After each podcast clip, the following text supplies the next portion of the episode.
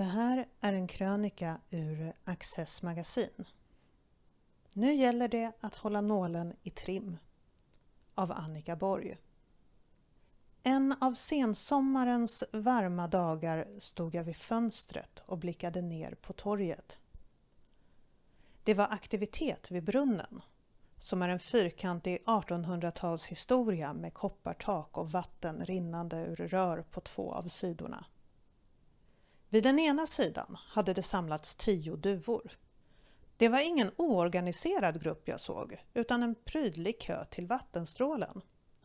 Järva fåglar la sig inte enbart i urgröpningen i stenen och badade i det grunda vattnet där. De ställde sig i strålen.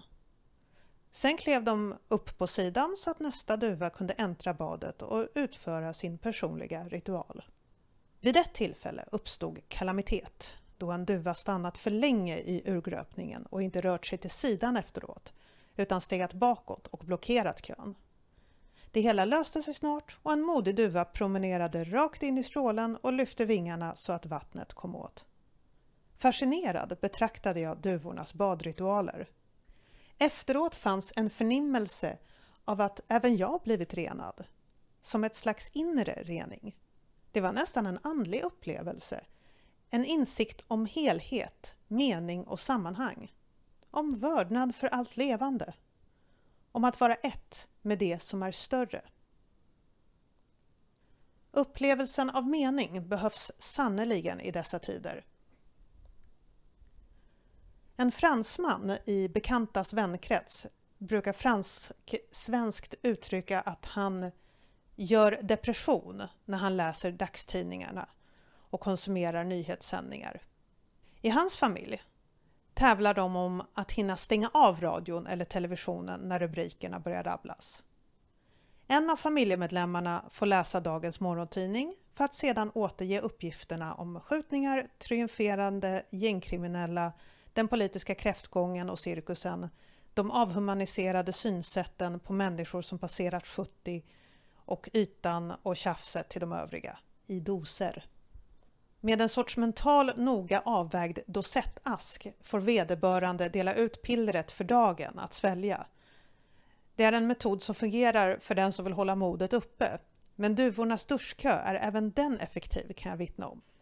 Det gäller att samla på sådana tillfällen och plocka fram dem som inre minnesbilder när verklighetens hårda klang bankar för brutalt på våra sköra, sköra drömmar. För just duvornas duschbestyr kom till min hjälp när jag härförleden läste ett glansigt reportage om Centerpartiets ledare Annie Lööf i en bilaga till morgontidningen. Berättelsen om den dramatiska sjukhusvistelsen, den goda vården i samband med graviditetskomplikationerna och det nattsvarta i att nästan förlora sin för tidigt födda flicka var mänskligt och gripande.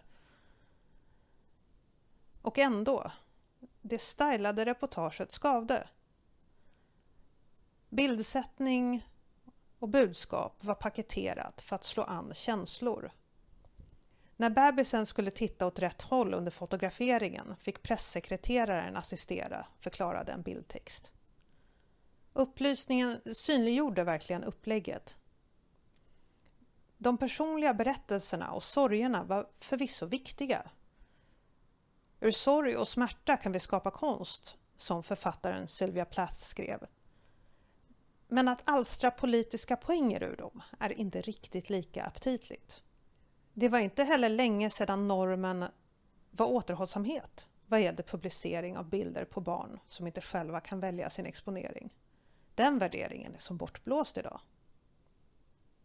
Annie Lööf konstaterade, så här nästan 6 000 människor avlidna i covid-19 senare, att vi nu måste se till att det finns syrgas, blodförtunnande medicin och dropp på landets äldreboenden. Det skavde det också eftersom det frilade en besvärande ambivalens i reportaget. Artikeln blir nämligen en illustration till att en del av oss får den vård vi behöver och andra, eh, de äldre, inte. Kommunikationspaketering och bildsättning håller liksom inte för de djupare etiska aspekterna. Det avslöjar i sin tur något oroväckande om vår samtid.